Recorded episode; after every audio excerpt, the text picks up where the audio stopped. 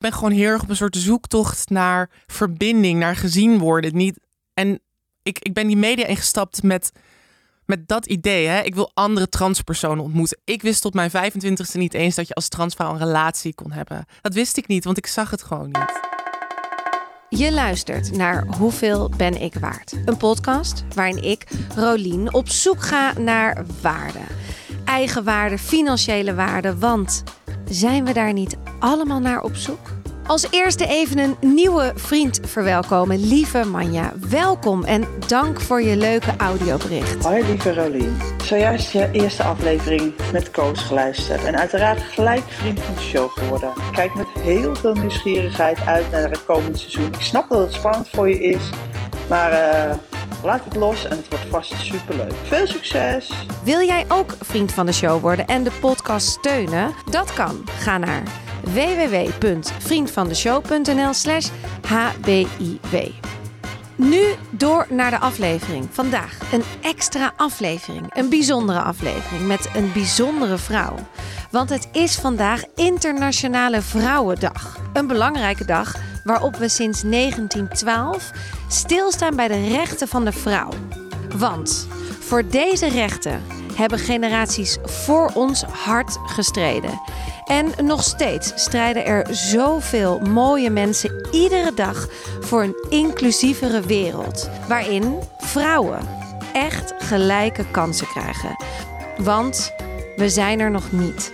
Een van deze powervrouwen is Tammy Schoots. Naast twee studies laat deze activiste zich horen in de media en houdt ze zich bezig met kwesties over politiek en gender. We hebben een mooi gesprek over waarde, financiële waarde, leven in de media, leven als transgendervrouw, leven als cisvrouw en over de liefde.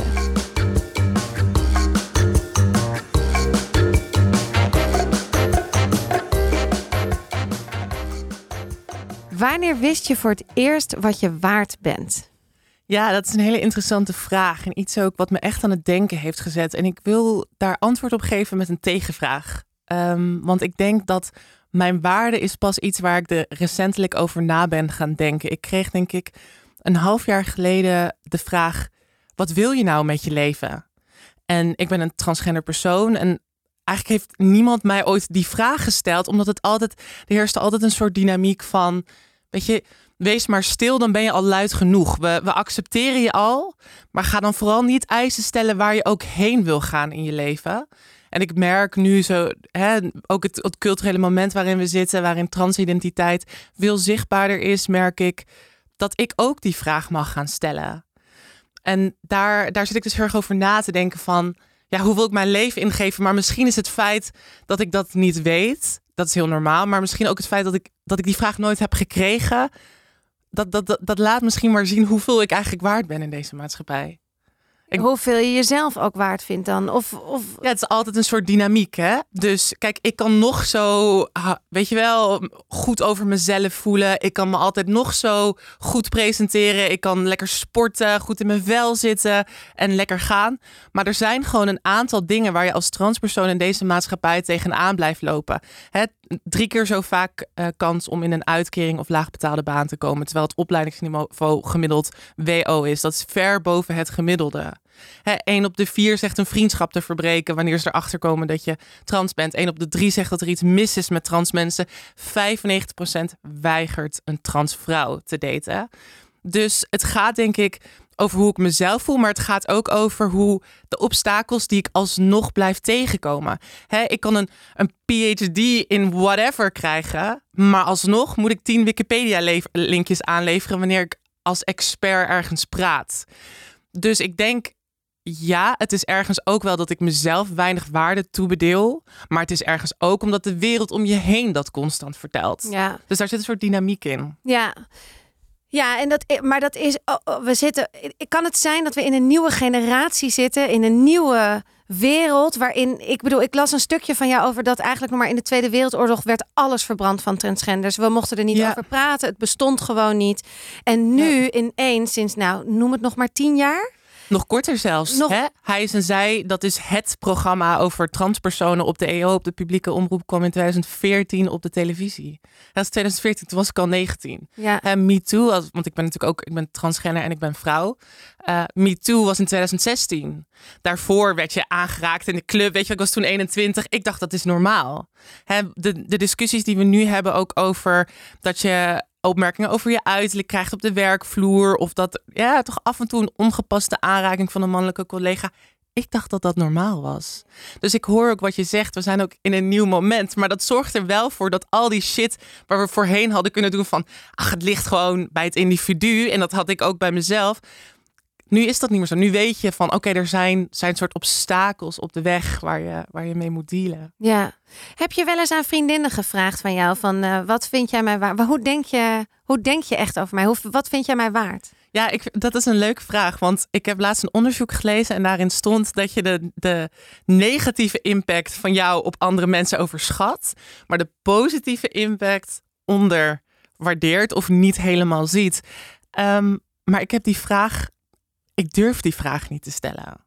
Want ik ben heel erg bang dat het mijn vooroordelen over mezelf gaat bevestigen. Ehm, dus ik, ik, vind dat, ik vind dat heel moeilijk. Dus Zal dat ik hem eens proberen te beantwoorden voor jou? Toen ik hoorde dat jij kwam praten, dacht ik, oh, echt heel vet. Vet omdat ik gewoon met jou wil praten over waarden. Mhm. Vet omdat jij in de media bent en je uitgesproken bent. Dingen die ik niet durf. Dus dat vind ik wel heel waardevol. Dat jij gewoon staat voor de mens, voor de vrouw die jij bent.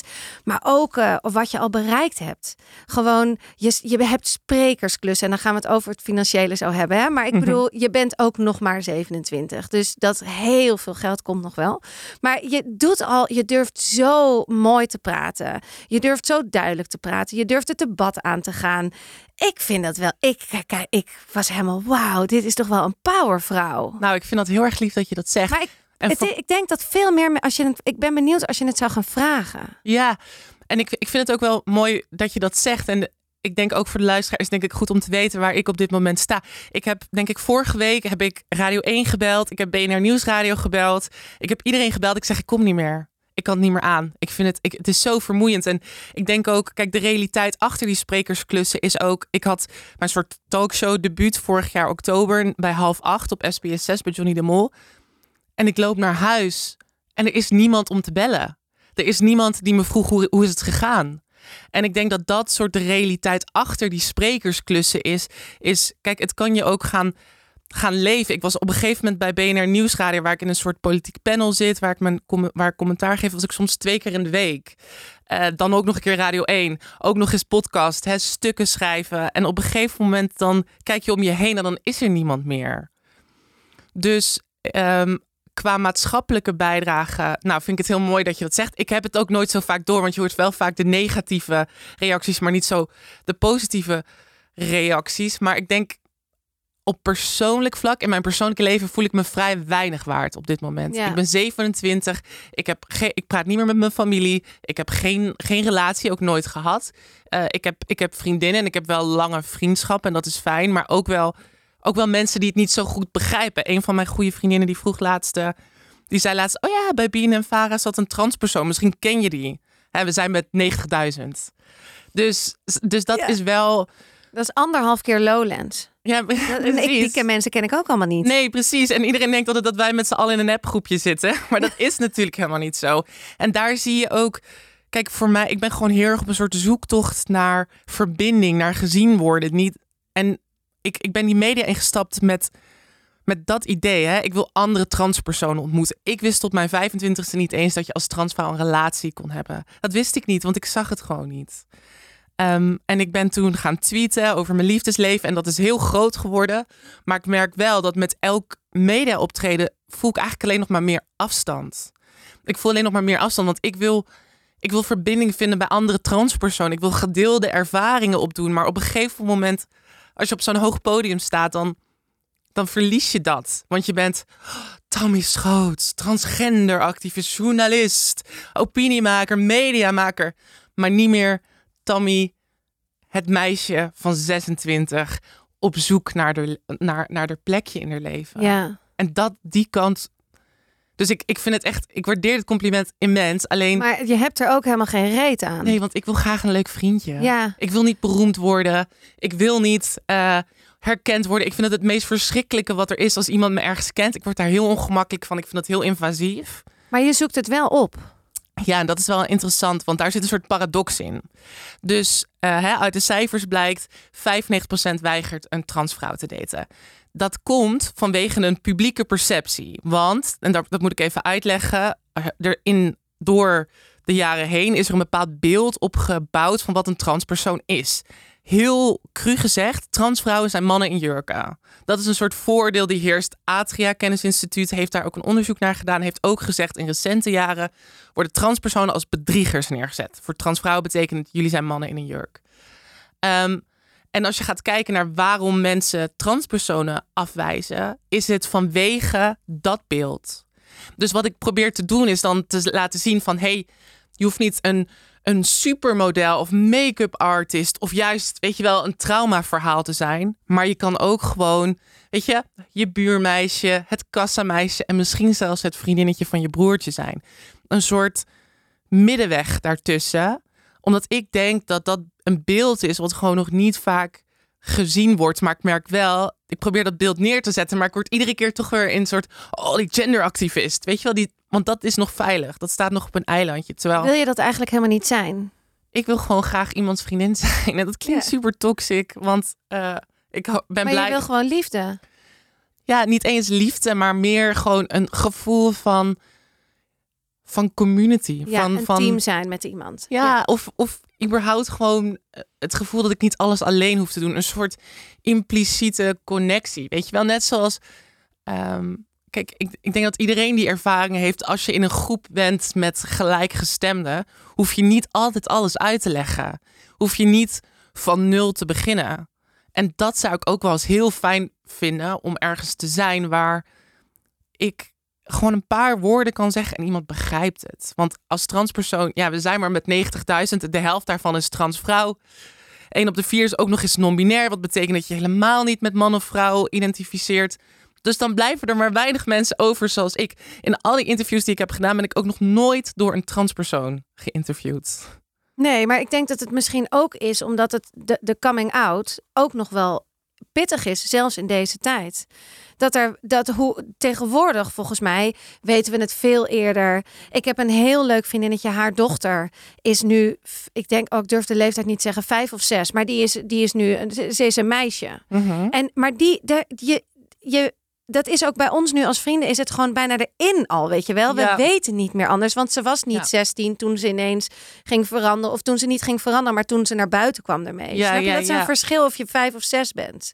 Dus er zit wel degelijk een hele grote verandering in. Alleen misschien als je spiritueel kijkt, ben jij net de generatie die nog al die pijn van die zeven generaties daarvoor moet doorbreken. Ja, en dat is heel heftig. Ja. Want dat zegt eigenlijk, jouw leven is weggegooid. Nou, dat is het helemaal niet. Maar zo voelt het soms wel een beetje. Want soms voelt het wel, ik merk bijvoorbeeld ook, hè, op een gegeven moment kom je dat, kan dan een beetje in dat opiniecircuit. En daar bedoel ik dan mee al die beetje jonge opiniemakers. En voor mij, ik heb ook een soort boosheid waarin ik kijk naar al die andere mensen. En dan, dan denk ik van, oh ja, weet je, jij hebt al een relatie gehad. Jij hebt al A, B, C gedaan. Want jij hebt die mentale ruimte gehad om dat te kunnen doen. Terwijl ik gewoon altijd het gevoel heb achter te lopen. Want ik heb mijn hele jeugd in ziekenhuizen gespendeerd.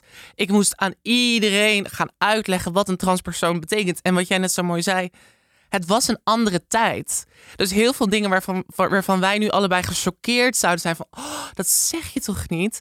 Daar, dat was toen helemaal niet zo. En nog steeds zijn er een paar, hè, bijvoorbeeld wat ik heel vaak krijg, oh, je lijkt net een echte vrouw. Wat ben ik dan? Ben ik dan minder mens? Weet je, Nou dus ja, het en ben ik dan steeds- ook, ja, dat is gewoon zo hokjes.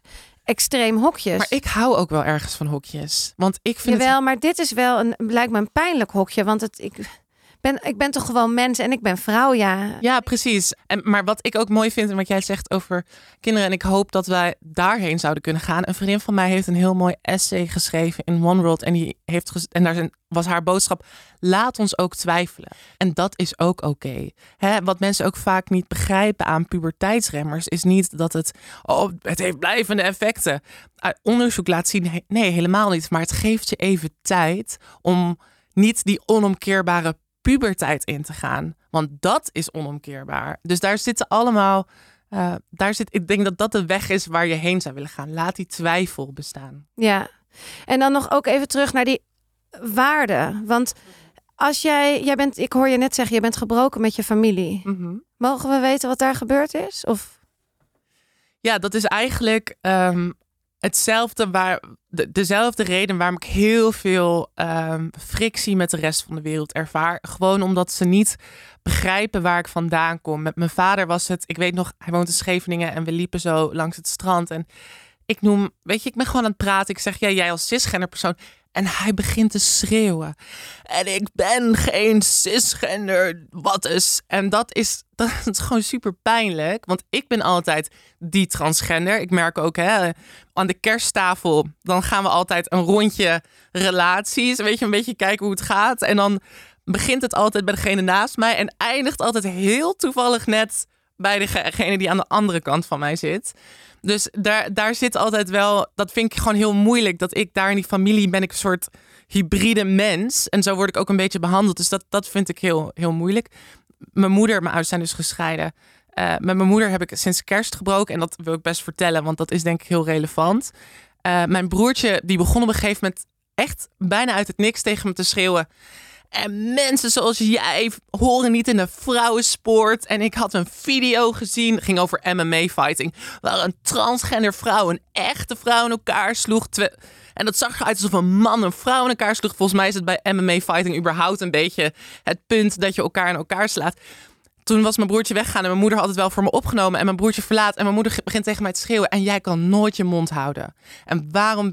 En dat is een beetje dat het raakt heel erg aan een soort dynamiek waar we in zitten. Als transpersoon ben je het probleem. Dus ik zit in de kamer en mijn aanwezigheid in de kamer veroorzaakt een reactie bij iemand anders. Maar ik ben degene die dat heeft gedaan. En en eigenlijk mag je niet reageren. Werd ook nog een beetje gezegd. ja, je mag jezelf niet verdedigen. Maar ik denk nog verder, al zou ik me niet hebben verdedigd, was ik nog steeds het probleem in de kamer geweest. En daar zit denk ik ook, als we het over waarde hebben, daar zit ook het pijnpunt. Want je staat eigenlijk als transpersoon altijd 2-0 achter. Als ik een relatie instap, moet ik eerst goed maken dat ik een transpersoon ben. De ander moet eerst bepalen of diegene mij accepteert. En als het dan gaat over waarde, daar, daar zit voor mij gewoon het knelpunt. Ik kan nooit in de kamer zijn. Ik ben altijd aan het bewijzen. Ja. Hoe, Sorry, hoe- heftig. Nee, nee, nee, ik ben gewoon er stil van. Omdat ik, kijk, ik deal hier niet mee. Hè. Ja. Ik, hij maakt dit nooit mee. Ik, Ja. je, kijk, kijk maar, ik ben blond, ik heb blauwe ogen, ik ben wit. Het enige wat ik wel eens krijg te horen in mijn leven is... Goh, je bent wel echt heel groot, hè? Ja, die krijg dat ik ook. Ik ben nog een kop groter dan jij. Dus, Oh, en dat vind ik zo pijnlijk. oh, herken ik. Altijd weer. Ja, ik ben niet 1,60 meter, nee. En ik heb niet maat 40 of 38. Ja, dat doet bij mij al pijn. Nou, Mhm. waarschijnlijk bij jou komt die ook hard binnen. Gewoon is niet leuk. Hoef je ook niet te zeggen als mens. Mhm. Dus nou ja, ik, je bent misschien heftig in de zin dat, het, dat, het je, dat er veel frustratie en veel verdriet en veel boosheid zit. Ja, Je hebt het ook, je hebt het pittig en je kiest hiervoor. Je kiest voor in de media te zijn. Misschien denk je ook wel eens, had ik het maar niet gedaan. nou, ik vind het mooi dat je dat zegt. Want dat is precies wat ik ook denk is... Kijk, je kiest er nooit echt bewust voor. Want wat, wat er zeg maar gebeurde is... We zaten allemaal in lockdown, hè, zomer 2020. En ik dacht, ik trek het niet meer. Ik ben 25... Mijn leven gaat nergens heen. Ik heb vriendschappen die voelen toch niet helemaal goed. Ik heb geen vriendje. Ik kan maar geen connectie leggen met de wereld om me heen. Ik ga uit de kast komen. En toen was het zo gegroeid dat ik op een protest uit de kast kwam. En elke krant, Volkskrant, NRC, noem maar op, schreven over alle sprekers, behalve over mij. En toen dacht ik, ik ga het eens even laten zien. Dus toen ben ik gaan tweeten en ik heb een podcast erover gemaakt. En ik dacht, ik ga over mijn problemen praten. En ik dacht gewoon, mijn intentie was, hé, ik kom gewoon even. Ik zeg, dit is het probleem. Mensen weigeren transpersonen te daten en ik ga weer weg. Ze hebben er gewoon nog niet over nagedacht. Maar toen kwam ik eigenlijk in een soort gat in de media, waarin we eigenlijk, we missen eigenlijk heel erg het perspectief van een transpersoon die ook ervaring kan uitdiepen. Niet meer dat traumaverhaal van iemand die op latere leeftijd uit de kast is gekomen, wat ook gehoord moet worden. Maar dat hebben we wel een beetje gehad. Of die jonge wonderkinderen, die modellen die zo mooi zijn. Nee, we willen eigenlijk een dieper debat voeren. Hè? Dus wij, in plaats van dat wij hier het over de ABC's van gender hebben, hebben we het over een, hoe is het om als transvrouw te leven in deze wereld. En daardoor begon te groeien en te groeien en te groeien. En heel eerlijk, dit is veel professioneler dan een Radio 1. Radio 1 kom je, dat radiohuis, daar moet je eerst door de bosjes voordat je zeg maar er aankomt. Dus je hebt ook helemaal niet door op wat voor podium je zit. Nee. Uh, jij doet veel meer research in wie ik ben en wat ik doe dan de gemiddelde Radio 1 presentator die zo wop, wop, wop snel gaat. Dus je weet, je hebt ook niet helemaal door op wat voor podium je staat. Ja. En ik dacht gewoon, oh lekker een uitje het huis uit, weet je wel. Ja. ja, en dan rol je er ineens in en dan word je overal gevraagd en staan er pagina's vol met informatie over jou te ja, vinden. heel heftig. Ja, dat kan me voorstellen dat dat heftig is. Ja, ik vind het heel heftig. Ik heb op een gegeven moment ook na eh, vorig jaar oktober, toen kreeg ik heel veel televisieaanvragen. En toen dacht ik echt, nee, dit hoef ik echt niet. Televisie is niet voor mij. Ik vind radio fijner. Ik heb- voel toch een beetje soort van dat je niet zo'n camera op je gezicht hebt. En ik dacht ook, wat wil ik hiermee? Ik wil helemaal niet beroemd worden. Ik wil gewoon een, eh, een ander perspectief tegenover wat we nu al hebben neerzetten. En ik denk ook echt, de keukentafelpodcasts zijn ook echt onderschat. Want daarin heb je zoveel mooie ruimte om... Weet je verhaal te doen, ja. ja, en, en, en een analyse te Ja. maken. Weet je wel, een, een maatschappelijke analyse die maatschappelijk waardevol is. In plaats van een tien minuten keihard te gaan. Weet je, dat is ook dat is echt een andere tak van sport. Ja. Word je wel eens heel moe om de hele tijd te praten over trans en over dit en je leven? In de zin van dat je. Ja, ja, ik word vooral moe van hoe ik over transidentiteit praat. Want er zijn heel veel interessante, interessante perspectieven op transidentiteit. Het was een heel mooi essay. Ik denk dat iedereen het wel interessant vindt. Het heet Fucking Like a Housewife. En het gaat erover, is als transpersoon een huisvrouw worden, als transvrouw... Is dat al emancipatie? Omdat we eigenlijk, omdat dat eigenlijk al onbereikbaar is. En dat hoor je misschien ook wel een beetje door mijn stem. Ik wil gewoon een normaal leven. Maar dat is eigenlijk al onbereikbaar. En dat, dat vond ik een heel interessant perspectief. Je hebt ook de transgender issue van Sean Fay. What it feels like for a girl van Paris Lees. Dat zijn allemaal hele interessante transperspectieven. En ik heb een soort weer meer filosofische invalshoek, omdat ik dat ook studeer. Eh, maar die, die filosofische uitdiepingen en het meta-praten. Ik word, ik word soms wel heel moe van mezelf. Niet van transidentiteit, maar van hoe ik daarover praat. Ja, want je, vertel, je praat er natuurlijk veel over en eigenlijk gaat elk gesprek weer hetzelfde. Nou, maar ik vind het heel interessant dat je dat zegt. Want ik merk, en dat, ik vind dat echt verbazingwekkend. Ik merk dat ik ook voor vrouwenpodia begin uitgenodigd te worden. Dus dat het niet zozeer gaat over hè, jij als LHBTIQIA plusser, maar ik als vrouw. Wat is een vrouwenervaring die ook trans is? En dat had ik gewoon niet zo verwacht. Vooral omdat je ook als je gaat kijken naar hè, een beetje die gevestigde media. Ik vind dat altijd een beetje na- naar woord. Maar je ziet eigenlijk dat daar een soort boemeraanval is van 50, 60-jarige oude witte feministen die transvrouwen voor mannelijke verkrachters uitmaakten. Recent nog in de Volkskrant.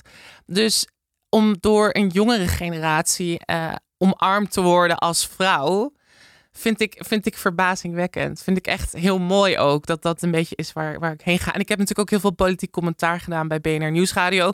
Dus dat vond ik ook al heel eervol om en trans te kunnen zijn en over andere dingen te kunnen Ja. praten. Voel jij je anders dan ik? In ons vrouw zijn? Mm, ik denk dat wij heel veel gemeenschappelijke ervaringen hebben. Dus wat jij net zegt over ik voel me altijd groot. ik ben nog een kop groter dan jij. Dus ik heb dat ook. Omdat eigenlijk als iemand zegt jij bent zo groot, zeggen ze eigenlijk jij bent minder vrouw. En daar zit een soort heel moeilijk iets. Omdat we proberen natuurlijk, we willen gewoon. En dit gaat echt zo simpel als over straat lopen. Ik krijg de hele tijd als ik over straat loop. Oh, die is lang. Oh, die is lang. En daar bedoelen ze niks mee. Maar ik hoor, die is minder vrouw. Dus on- onze ervaringen hebben heel veel raakvlak. Alleen ik denk wel waar wij verschillen is, jij hebt een soort biologische realiteit die alles wat jij zegt vrouw maakt. Dat moet ik even concreet maken, want als ik brede schouders heb, dan is het een indicatie, oh, dat is eigenlijk een man. Als ik lang ben, dan is het, oh, dat is eigenlijk een man. Dus ja, oh, ze praat hard, oh, dat is eigenlijk een man. Terwijl bij jou zullen mensen dat nooit denken, want je bent een cisgender vrouw, cisgender, hè, dus dan het tegenovergestelde van trans. Oké, Tammy, dit moet je mij toch even uitleggen. Cis man, cis vrouw, vertel. Nou ja, ik denk dat je het moet scheiden van seksualiteit. Dus Oh ja. seksualiteit. En ik denk, dit gaat over gender. En Ja. gender kunnen we soort heel. Er zijn nog wel debatten over hoe je dit zou moeten definiëren. Maar het meest bazaal is ehm, of jij jouw lijf en jouw, hoe jij je presenteert, dat met elkaar overeenkomt.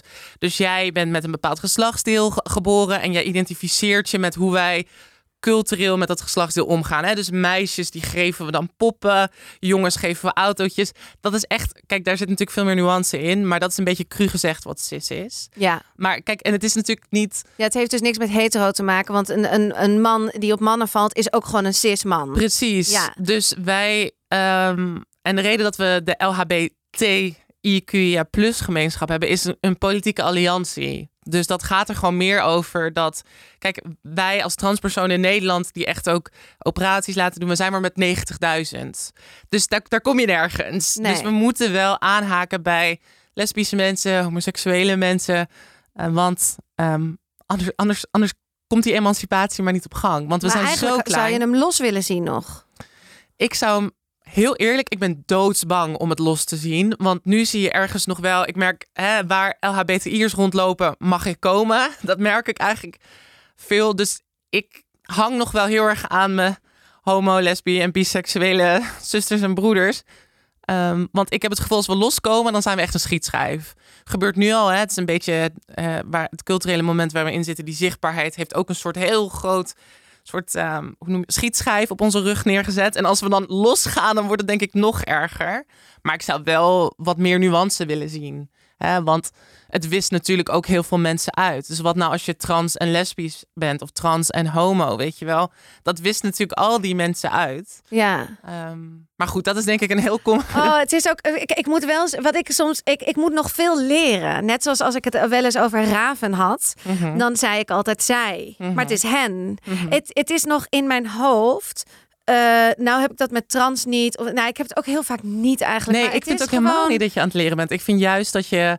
Ik snap, de terminologie is moeilijk, maar dat is iets anders dan dat je niet. Jawel, maar toch bijvoorbeeld de, de, de, de awareness, het, ehm, de, het ontwaken ook in het stukje bijvoorbeeld dat je zegt van als ik jou zie en jij noemt net dat voorbeeld en je hebt brede schouders. Nou, ik denk dat we echt precies dezelfde schouders hebben. hebben maar, allebei ja, we hebben echt allebei brede schouders.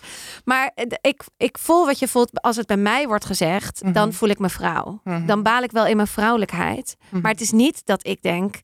Ik, shit, ja, ik heb natuurlijk die mannelijke hormonen vanaf mijn geboorte. Of ik heb dat mannelijke lijf, biologisch gezien, nou eenmaal gekregen op dat moment. En dat, Mhm. dat, dat schuilt niet in mij, Nee, dat precies. gevoel. Dus dat is wel een heel groot verschil. Nou ja, het, het is denk ik. Bij jou zegt het je bent minder vrouw. Bij mij zegt het je bent geen vrouw. Ja, precies. Dus het is een soort geleidende schaal. Dus ik denk dat, dat er wel een soort alliantie is in hoe, hoe we met vrouwelijke mensen omgaan in deze wereld. Hè? Dat dat een soort, oh je moet vrouw genoeg zijn. En dat dat gewoon in de verschillende gradaties bestaat. ja, Maar ik denk juist dat er ook wel heel veel overeenkomsten zijn. zeker, zeker. Ja, absoluut. hey, wat wil je gaan bereiken hier allemaal mee? Nou, wat ik persoonlijk wil bereiken is denk ik... Ik wil gewoon een huis en een hond en een man en een kind. Hond is echt veel werk, hoor. Weet ik. Oké. Ik zit nog te twijfelen tussen een hond of een kat. Misschien Die allebei. Als je ook op vakantie gaat en je hebt zo'n huisdier, waar moet je dat dan laten? Maar het is toch heerlijk als je dan de deur doorwandelt en er is iemand blij om je te zien. Gewoon, dat is toch fijn? Weet je, zo'n kat die kijkt je echt aan van, nou, weet je wel, het zal mij eh, worst wezen wat jij komt doen als je me maar eten geeft. Maar zo'n hond die je dan, weet je wel, zo'n golden retriever die dan naar de deur rent en gewoon blij is dat, dat je er bent. Ook meteen zo'n hele grote hond heb je in je ja, hoofd. precies. Zo'n zo'n zo'n lekkere lobbus die ook een beetje dom is en overal tegenaan loopt en zo. En ja, dat zou ik gewoon heel graag willen. Maar ik, ik Maar je bent ook echt heel jong, hè? Ik bedoel, ik snap wel dat je die angsten voelt en zo. En dat je, dat je echt een hele andere weg dan ik heb. Maar je bent nog maar 27. Ja, maar de onrust zit er maar denk ik in van... oké, ik heb nu 27 jaar aan bewijs dat het maar niet lukt. En ik wil, ik wil zo graag één keer die relatie meemaken. Ook al is het, en ik snap het, relaties zijn ook niet alles... en je moet je eigen identiteit niet wegcijferen ervoor... maar gewoon, al is het toxic, al hebben we de hele tijd ruzie... gewoon dat ik die ervaring kan hebben. Ja. Dus het is denk ik gewoon... ehm, het is van, ik ben er nog niet of zo. Nee. Van, ik heb nog niet even die eerste babystapjes genomen. ja. Of gewoon eventjes eh, drie weken lopen zoenen met iemand en eh, naar de bioscoop. En dan, dat dat het dan uiteindelijk niks werd. Ik heb wel lopen zoenen. Nou. Zie je, maar ik bedoel, het is, dat- er zijn ook mensen van. Er is nu een nieuw programma van BNR, BNN. En dat gaat over een jongen en die is nog maagd op zijn 23ste. Mhm. Eh, en die gaat ontdekken of de, welke maagden hier nog, wie nog meer maagd zijn. En hoe ze dat gaan oplossen en zo. Ik bedoel, het is. Ik vind soms ook wel als ik naar mijn puberzoon van 14 bijna kijk, dat ik denk dat hij bijna seks moet gaan hebben of moet. Misschien gaat het, vind ik wel ook wel weer heftig hoor. Denk ik, wacht maar, je mag je hele leven nog. Ja, en daar gaat het denk ik ook. Dat is wel heel mooi wat je zegt. Want het gaat denk ik ook over wanneer je er klaar voor bent. Maar ik ben er al heel lang klaar voor. En het lukt maar niet. Dus het is niet. En dat heeft denk ik ook, dat heeft ook te maken met hoe ik eruit zie. Denk ik, ik ben heel lang. Dus dat is ook vaak een afknapper. Ook met mijn persoonlijkheid. Kijk, ik ben niet snel op mijn mondje gevallen. En ik heb echt, echt een hele grote mond. Ehm, dus dat zijn ook allemaal factoren. En sommige mensen vallen ook gewoon niet op bruin haar. Dus ik dat, wou net zeggen, net zoals dat heftig. Ik ben, word ook altijd bestempeld al mijn hele leven met heftig. Ik vind het zo leuk dat we zo goed aan elkaar kunnen Ja. relateren. Want ik heb dat eigenlijk vrij weinig. Het is toch vaak een beetje zo van jij daar aan de overkant. Ja, nee, dat voel ik ook niet. Nee, wat grappig. Nee, en, ik, en, de- en dat daten, ja, ik heb daar ook zoveel pech in gehad. En ook zoveel geluk. En het verschil is natuurlijk wel dat ik drie zonen heb. En die Mhm. heb ik uit mijn buik kunnen laten komen. Ja, dat zijn natuurlijk wel dingen in het leven die... Ook, kan, kunnen transvrouwen het inmiddels ook. Hè? Die technologie die is daar. Die is er al om, dat, om, om eh, een kind te laten dragen. Het is alleen het draagvlak is er gewoon niet. Dus politiek draagvlak, ethisch draagvlak, geld. Dat is er gewoon nog niet. Maar wat bijzonder. Bijzonder hè? Oh, dat zou ik je, dat, dat snap ik, dat gun ik elke vrouw. Dat gun ik ook een vrouw, of je nou trans, of dat je lesbisch, of je bent alleenstaand, whatever. Ik gun je, als je een kindje wil, dan gun ik je gewoon dat proces. Dat Ja. lijkt me, dat is gewoon een hele mooie ervaring. Dat is ook met je waarde wat wat doet natuurlijk, hè? Want dan heb je meteen een levenswaarde. Zo, dan, dan geef je ook weer wat door, denk je. Ja, dat, ik vind het ook wel dat je dat mooi dat je dat zegt als je dat wil. Want ik Ja, denk ook dat het belangrijk is dat er zijn ook heel veel mensen die zeggen ja, maar ik wil toch ook geen kinderen. Ja, maar het is voor jou een bewuste keuze en voor mij is het vaak iets wat de facto gebeurt. Maar kijk, en je moet aan de andere kant ook gaan kijken van in wat voor wereld breng je dan kinderen? Kijk, als er in de Volkskrant staat dat transvrouw achter elke transvrouw een verkrachter kan schuilen, wil je dan een kind daarin brengen? Want je, je moeder is dan trans en ik kan dat ook niet verbergen, want dat staat heel groot op het internet. Dus dat is wel een factor waar je aan, Maar- aan, aan moet denken. Er stond in het Leids Dagblad, uh, had René Hoksbergen, wat iemand is die helemaal in de adoptie en kinderen krijgen zit. En die, die betoogde dat het een, eh, schen- een schending is van de mensenrechten om als transpersoon een kind te krijgen. En dan de mensenrechten van dat kind. Kijk, als dat soort narratieven zijn die gewoon in mainstream kranten staan, Wat doet dat met jou? het zegt je bent een monster. Dat zegt het. En dat. Jij, hebt, jij mag geen kinderen krijgen omdat je een monster bent. Ja, jij dat mag niet het. voortplanten, want jij bent een monster. Precies. En kijk, en ik denk als iemand hier iets racistisch zegt, dan, dan komt diegene nooit meer op televisie. En dat is maar goed ook, want het is wel eens even klaar. Maar bijvoorbeeld, Jort Kelder zei bij het- in een talkshow, zei hij, er is echt iets mis met transpersonen, iets mentaal mis. Nou, die zien we gewoon nog op, op één, weet je wel. Dus er is een verschil in maatschappelijk een verschil in wat je mag zeggen over transpersonen. Dat is maar mening. Je mag mij betichten van dat ik eigenlijk een verkrachter ben. Hè, bij voorbaat schuldig. Eh, en dat, dat is ook een dynamiek. Hè? Dus als ik. dus het is, en dat is ook heel klein. Dat heel veel mensen zeggen van ja, leg het me uit. Eh, educate me. Dat is al een soort dynamiek die een afstand creëert. En als dat. Als, Maar Tammy, wat doet dat nou echt met jou? Want dit is allemaal uitleg. Wat, maar waar, Mhm. ga je dan, ben je dan thuis? Zit je dan, ben je dan aan het huilen? Of bel je dan een vriendin en zeg je dan: hoe, waarom stopt dit niet? Waarom stopt dit niet? Waarom luistert niemand naar mij? Zit ik tegen een muur te praten? Ja, dat het is hoe het voelt is alsof je soort naar de grond wil zakken. Hè? Het is alsof je ehm, voor die tiende keer een nee hebt gekregen, dat je nergens wordt aangenomen. Het is alsof je het voelt heel machteloos. Jouw leven en hoe jouw leven lo- loopt, dat gebeurt daarboven. Weet je wel, het voelt ongrijpbaar.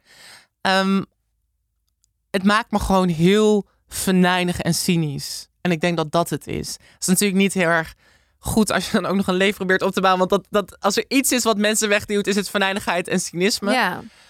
Ehm, Ben je ja, bang het is dat vernederend. Het, is Ja. echt, het is echt zo ongelooflijk vernederend om een transpersoon te zijn in deze maatschappij. En echt op allerlei hele impliciete vlakken. delen andere trans mensen dit met jou?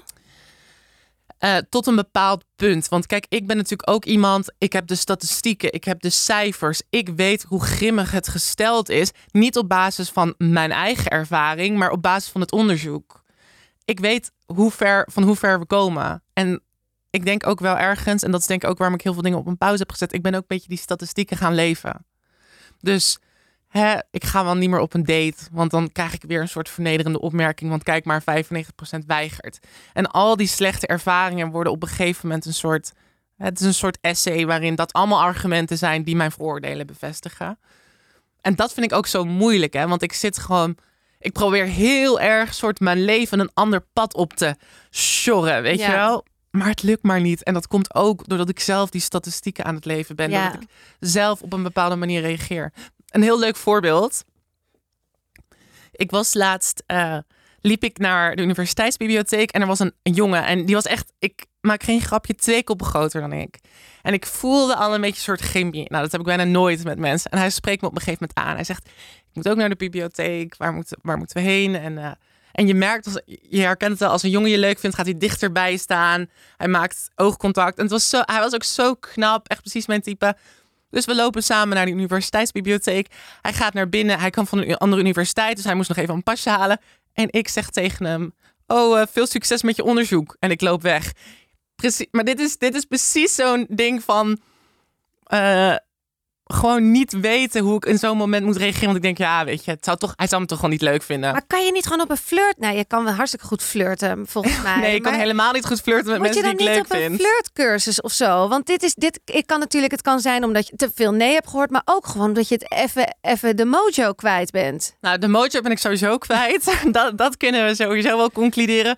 Maar het wordt nog erger. Want ik zat toen boven te studeren en ik zag hem en hij keek ook naar mij. En ik dacht, oh, ik moet naar hem toe gaan, want hij, was echt zo knap. En hij was overduidelijk ook into mij. Maar ik durfde niet. Ik dacht, ik ben too much. Wie wil mij nou? Maar dan moet je. Je moet ook een echt beetje een zelfvertrouwen, ja, denk ik. Ik wou net zeggen, je mindset is echt verkeerd hoor, Tammy. Want dit is wat je zegt. Je bent ook misschien echt je eigen waarheid gaan geloven, omdat je misschien zoveel erover praat. En het is natuurlijk de waarheid, hè? Maar mhm. soms kan je het helemaal gaan leven. Ja, maar ik denk ook waar het natuurlijk ook misgaat. Ik heb niet dat referentiekader van waar het wel goed kan gaan. En dat is denk ik ook waarom ik zei van ik wil graag een relatie hebben. Is Ehm, gewoon om even een soort, oké, dit is hoe het is. En het kan ook wel lukken, weet je wel, als, als je een flirt hebt met iemand. Want eigenlijk lukt het me bijna niet. En ik moet ook wel zeggen, ik haal vaker de negatieve dingen eruit dan de positieve dingen. Ik denk dat iedereen daar wel een beetje last van heeft. Ehm, en ik probeer gewoon, zeker op dit moment, na ongeveer anderhalf jaar, de hele tijd over mijn transheid te praten. Ik voel me een beetje een soort hybride. Ja. Een soort hybride mens, niet echt meer vrouw. Dus ik probeer ook een beetje mijn menselijkheid weer terug te krijgen. Uh, Hoe doe je dat? Dat is heel moeilijk. Dat kan ik je vertellen. Maar gewoon door even nee te zeggen tegen die, die schreeuwende media. Om even weer in te checken met vrienden, familie. Weet je, die nu allemaal soort naar de buitenste randen zijn gegaan. Om te kijken, oké, waar kan ik het waar kan ik het weer maken? En waar is het gewoon echt abusive? Hè? Mijn, mijn moeder en mijn vader, dat is gewoon echt abusive. Ja. Um, nou ja, abusive. Het is niet, dat is misschien een te grote term, maar gewoon echt, weet je, als je niet me wil zien als mens of niet een soort wil luisteren naar me, dan houdt het ook een keertje op. Want ik kan, ik kan mijn transheid niet wegwensen. Dat probeer ik te doen. Ik probeer ook gewoon, weet je, dingen buiten mijn transidentiteit te doen. Ik ben bijna afgestudeerd. Ik ga een baan zoeken, wat ik overigens echt beangstigend vind. Maar dat soort hele normale dingen. Waarom vind je dat beangstigend? Omdat ik vind dat ik dat niet mag. Omdat ik niet, omdat, maar dat is denk ik echt maar heb je niet gewoon vrouwen. het imposter syndroom, dat je gewoon bij alles ook denkt, ja nee, ja, maar ik val door de mand. Maar dit is, ja, dat heb ik heel erg. En dit is gewoon zo dat dat typische vrouwen, uh, een typisch vrouwending, denk ik van. Maar je ziet het ook toch in de onderzoeken. Ik ga ik weer met mijn onderzoeken. maar je ziet ook dat een vrouw vaak pas solliciteert wanneer ze 100% gekwalificeerd is, mannen 50%. En je ziet ook als je aangenomen wordt zie je dat mannen vaak aangenomen worden als ze een, een vijfde van alle vereisten voldoen. En voor vrouwen is het vaak dubbel zoveel. He, dus je moet eigenlijk overgekwalificeerd zijn. Ik merk dat ook, dat ik vaak nu, ik solliciteer nu voor, voor um, bijvoorbeeld uh, studentenjournalistieke platform, waar je niet betaald krijgt en zo. Terwijl ik heb gewoon, weet je wel, bij BNR op de nieuwsredactie gezeten. Ik doe heel veel politiek commentaar. Maar dat vind ik al eng. Dus je bent al, je neemt zo'n zo'n zo'n overkwalificatie mail. Anders durf ik gewoon niet te solliciteren. Ik moet echt letterlijk dat iemand naar me toe komt. Eh, ik heb ook een paar, met een paar nieuwswebsites een soort recruiter gesproken en zo. En dat werkt voor mij heel goed, want die zegt: Ja, oh, ik ben onder de indruk van wat je hebt geschreven. Ja, ja, ja. Dus ik moet altijd gevraagd worden. Ik vind het heel moeilijk om mezelf uit te nodigen. Maar daar zit natuurlijk ook een beetje, een beetje ongelijkheid in. Natuurlijk. Ja. ja, dat neem je gewoon mee. Dat gevoel heb je gewoon meegenomen al heel lang. Maar daar merk je dus ook immense verschillen tussen transvrouwen die op hun vijftigste of hun dertigste of hun twintigste in transitie zijn gegaan versus ik ben echt, denk ik was zes of vijf, of echt heel jong. En ik ben mijn hele leven als vrouw behandeld. Nou kan je zeggen, dat is geen pretje. Ik merkte dat laatst met een transvriendin die later in transitie is gegaan. We stonden voor een deur en een, een man wilde er doorheen lopen. Ik stop, zij loopt door. Het gaat, en dat is een heel concreet voorbeeld van ruimte innemen ik denk, oké, ik doe een stapje terug, want die man mag voor. En zij ging, zij liep er doorheen, want zij zei, ik mag als eerst door die deur. Maar ik vraag me dan toch bij jou af, is het nou allemaal dat omdat je trans bent of of omdat je gewoon een vrouw bent die ook af en toe heel onzeker is. En die heel graag, oh, die gewoon zoekende is naar wat het leven te bieden heeft. Het loopt heel erg door elkaar heen. Dus wat jij net ook zei, ja, ik heb gewoon niet zoveel geluk gehad in mijn liefdesleven. En voor mij is het altijd heel erg aftasten. Is dit mijn transheid? Of is het gewoon, heb ik gewoon nog niet een leuke jongen? Ja. En ik denk dat het ook wel bemoeilijk wordt. Want er zijn ook wel situaties geweest waarin ik heel erg verliefd was op een jongen en een jongen heel erg op mij. Maar dat transheid een dealbreaker was. Ja. Dus dat is heel erg aftasten. Maar kijk, ik moet ook eerlijk met je zijn.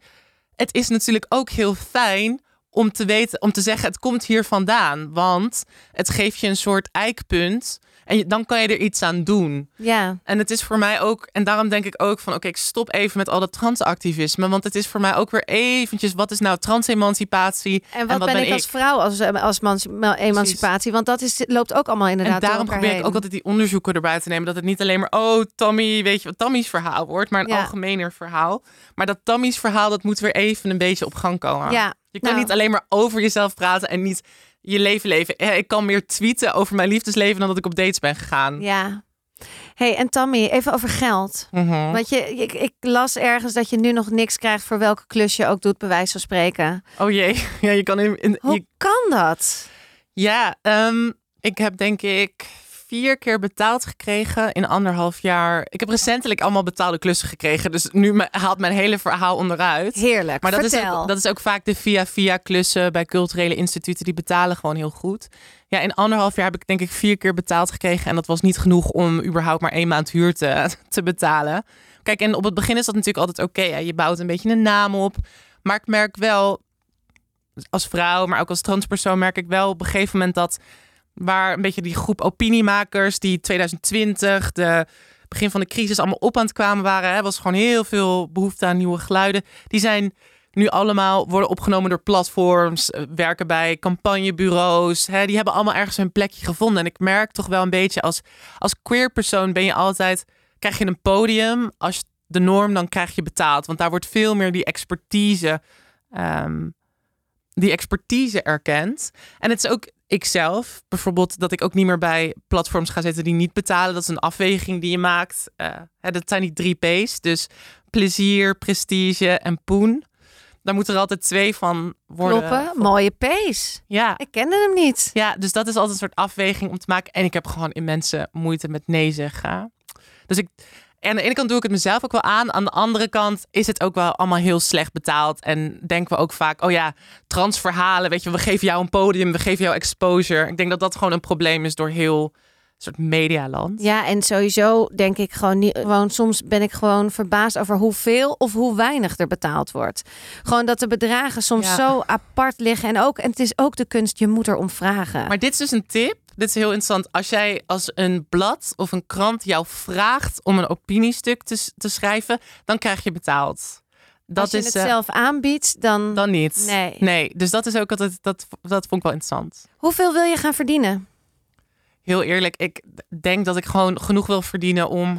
Nou, dat is tegenwoordig is dat heel veel. Om gewoon een mooie huurwoning te kunnen betalen van 50 vierkante meter... waar ik twee kamers heb. Dat is prima. Um, en, en gewoon een beetje oké rond te kunnen komen. Een drankje te kunnen doen met vriendinnen in het weekend. Eh, maar ook gewoon prima mijn rekeningen betalen. Ik vind dat heel. Dat geeft mij ook echt een gevoel van eigenwaarde. Dat ik mijn rekeningen kan betalen. En dat ik gewoon dat op orde heb. Dat ik een woning heb. Dat ik een beetje op mijn eigen benen sta. Dat is ook wel mooi. Hè? Mensen vroegen me laatst van. Uh, ja, en tegen wie, wel, wie kijk je nou op? En toen zei ik Laverne Cox, dat is een transgender actrice, maar niet omdat zij een transpersoon is en actrice, maar omdat ze een huis heeft gekocht. En weet je, niemand had dat verwacht. Maatschappelijk had zij in de goot moeten eindigen. En dat is denk ik ook een beetje wat voor mij betekent financiën ook een soort gevoel van eigenwaarde. Op je twee benen staan. Hè? Ik kom uit die generatie wiens ouders allemaal zijn gaan scheiden. De helft van die ouders zijn gaan scheiden. Mijn moeder had geen poot om op te staan, want die had nooit een opleiding afgemaakt. Die werkte zodat mijn vader kon studeren. Ehm, en ik, dat is een soort grimmig beeld. Mijn oma heeft me altijd op het hart gedrukt. Ga niet trouwen. Ga, weet je, zorg dat je je eigen geld verdient. Dus dat zit wel heel erg diep in me. Ehm, ja, ja, snap ik. En ik, dat is ook. En maar, maar geld verdienen heeft inderdaad alles met je eigen waarde te maken. Heeft alles met waarde in het leven te maken. Geld hebben we nou eenmaal allemaal nodig. Dus Mhm. ik snap heel goed. Ik was ook 35 of misschien zelfs 36 toen ik mijn eerste huis kocht. Wel met mijn relatie. heb je meerdere huizen? Nee, joh, nee. Mijn eerste, oh, dat klinkt heel chic, hè? Mijn eerste huis. Nee, maar ik bedoel, die hebben we nu drie, vier jaar bijna. Ik ben nu 40, vier jaar, dus ik was 36. En ik weet ook nog dat ik altijd gewoon in Amsterdam huurde. Ik kom uit Amsterdam, dus ik had nog die goede regeling. Weet je wel, dat je echt voor 500 euro een heel huisje hebt. Oh. Dus dat was wel, ja, was wel anders. Maar ik, ik weet nog wel heel goed dat ik dacht... dat mensen allemaal om me heen op hun 28ste al huizen kochten. En dan dacht ik echt, mijn god, hoe doen mensen dat? Nou is het in deze tijd onmogelijk ook. Maar het geeft wel een eigen huis, geeft heel veel waarde. Of gewoon een baan hebben of wat dan ook. Ja. Dus dat, dat is wel eh, lekker. Maar ja, dat gaat toch allemaal gewoon gebeuren. hè? En ook die Labrador, wat was het? Die, die, die Labrador, Retriever. Golden Retriever, die, die, die leuke man. Dat gaat gewoon gebeuren. ja, maar kijk, da- daar... Ik ben die hoop een beetje aan het verliezen. Niet doen. En dat is denk ik ook het moeilijke. Hè? Dat als je die hoop begint te verliezen, dan weet je dat je weer even een paar stapjes terug Ja. moet nemen. En weer heel even. Want dat is ook al, dat is een beetje het probleem met overal te gast zijn. Hè? Je bent niet. Weet je, je krijgt geen kerstpakket. En daar bedoel ik mee te zeggen. Je bent niet. Je zit niet in een soort gemeenschap die je waardeert. Weet je, bij BNR Nieuwsradio ben ik zo vaak. ehm, maar dat, is niet, dat zijn niet mijn collega's. Weet je, dat zijn mensen waar ik te gast ben. En ik Ja. ben heel erg op zoek naar ergens op de payroll komen of zo. En dat is niet, het is niet alsof ik. Kijk, het is natuurlijk wel erg om financiën dan te gebruiken om, om eigenwaarde in, te, aan, in aan te geven. Maar het gaat ook meer over een gevoel van je ergens gewaardeerd voelen, weet je wel. En het is toch anders wanneer het van je collega's komt en van mensen die heel dichtbij staan dan, dan wanneer je te gast bent bij plekken. Dus dat is misschien ook een soort uitdaging voor mezelf om weer een klein beetje in die gemeenschappen te rollen. Ja. Weer een baan te zoeken. ja. Want heb je nu geen baan? Eh, nee, ik, vier jaar geleden begon ik een tweede studie te doen. Want ik eh, was overmoedig. en toen heb ik mijn, mijn werk opgezegd. Ik werkte toen bij de Hermitage er als, als publieksmedewerker. Ik heb echt heel veel leuke bijbaantjes gehad. En eh, dus, dus ja, ik heb nu, nu geen baan. Maar het begint alweer een beetje te komen. Heb ook een paar soort particuliere opleidingstrajecten. De televisieacademie gaat heel erg kijken van... oké, waar wil je in het medialandschap passen? Ehm, dus het, het, het komt er ook wel een beetje aan. Maar het is ook de sprong die ik zelf... en misschien herken je dit. Ik vind het om betaald te worden voor je werk. Ik, ik weet niet of ik dat wel kan. Nee. Ik werd laatst gebeld of ik eh, iets wou doen voor Cup of Ambition. Ken je Cup of Ambition? Ook een heel leuk bedrijf om even in de gaten te houden. Zij regelen heel veel sprekersklussen en dagvoorzitters en eh, more women on stage. Oh, is hun slogan. Ja, echt, echt een leuk bedrijf. Ik ga je kop lazen. Maar in ieder Daar hou ik geval, je aan. ja, het gaat het zo meteen doen. Maar eh, wat ik, ik, ik, ik, ik werd gebeld van, kan je dat misschien doen? Je zit dan in een pitch met drie mensen of zo, zoiets. En eh, ik werd het uiteindelijk niet. Maar toen zei ze, ja, het is 2000 euro. Ik dacht, 2000 euro? Ja, ja, Holy moly. ja. Nou ja, dus er is gewoon genoeg geld. Voor ons allebei is er genoeg geld te gaan te verdienen nog. Het is wel interessant dat je dat zegt, want een vriendin van mij heeft echt een hele grote klus gekregen bij een cultureel instituut. En daar heeft ze ook, daar krijgt ze ook heel veel geld voor. En toen zat ik ook naar, ik ga het niet zeggen, want dat is een beetje, weet je, dat is haar business. Maar daar, ik zat ook echt op te kijken van wow. En een andere vriendin die heeft net een boekencontract ondertekend en die, is, die heeft dubbel het bedrag van, het, van de voorschot gevraagd. Eh, nou, da- daar gingen ze niet voor, maar het is wel 500 euro omhoog gegaan. En zo werkt het. Het werkt zo. Je moet je mond open trekken. Je moet onderhandelen. Ik sprak laatst iemand van de Bali, Juice, dit is echt Juice. En die zei ook van, eh, ik mag het eigenlijk helemaal niet vertellen, denk ik, maar goed. Die zei ook van, ja, als mensen een beetje onzeker zijn en je hoort aan hun stem, oh, eh, weet je, ze weten niet wat ze doen, dan ga ik ook niet zeggen, dat, weet je wel, dan ga ik ze ook niet betalen, want ik moet ook mijn, ehm, mijn begroting rondkrijgen. Ja, En dat- hè? Nou ja, kijk, dat tapt wel heel erg mooi in wat jij net zei. Kijk, het is natuurlijk niet het individu, het is het grotere systeem waarbij er een soort keuze worden gemaakt. Waar besteden we geld aan Ja. en waar niet? Ja, maar je moet gewoon met andere woorden dus gewoon zeggen: ik wil geld. Ik wil er geld voor. Dit is mijn, dit is mijn. Ik kom als persoon. Ik bereid me voor. Ik kom wat brengen. Ik heb een verhaal. Ja, Welk verhaal het ook is, of ik het ben, of jij het bent, of dat iemand anders het is. We hebben, je wordt gevraagd, je gaat het doen, daar word je gewoon voor betaald. ja, en je hoeft ook niet alleen maar als je gevraagd wordt om betaald te vragen of eh, om geld te vragen, maar probeer ook eens geld te vragen om dingen waar je jezelf aanbiedt. Ik Ja, denk dat voor ons vrouwen dat dat dat, echt een ongelooflijke. Ja. Kijk eens, ik had, ik had laatst een soort eh, DM-gesprek met iemand die een column had en die column eindigde. En toen zei ze: Ja, ik ga gewoon kijken waar ik wil schrijven. En dan ga ik hun overtuigen dat ze mij moeten aannemen. En ik dacht: Wat zeg jij nou? Ja. Wat zeg jij nou? Ik was helemaal een soort van: Oh, zo kan je ook nadenken. Ja. En dat is denk ik heel belangrijk. Dus- En daarom is podcast zoals deze zijn ook belangrijk, omdat we horen dan van elkaar van: Oké, hoeveel krijg je daar betaald voor? En hoeveel krijg je daar betaald voor? Want Ja. dat is echt, daar praten we eigenlijk bijna nee, over. veel te weinig. Mhm. Ik ga hem afsluiten. Oh, dat vloog echt voorbij. Het vloog voorbij, hè? Vond jij de tijd ook vliegen en wil je meer weten over Tammy? Word dan vriend van de show en luister naar vijf vragen van Rolien. Daar praat ik met alle gasten nog even door over geld en financiële dilemma's. Dus www.vriendvandeshow.nl slash hbiw.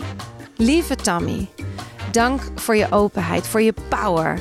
Ik heb echt van je geleerd en ik hoop jij ook een beetje van mij. Ik hoop dat je je echte waarde gaat voelen, maar ik hoop vooral dat je een hele leuke jongen ontmoet. Ja, met een hond. Voor nu nog één ding. Tot de volgende!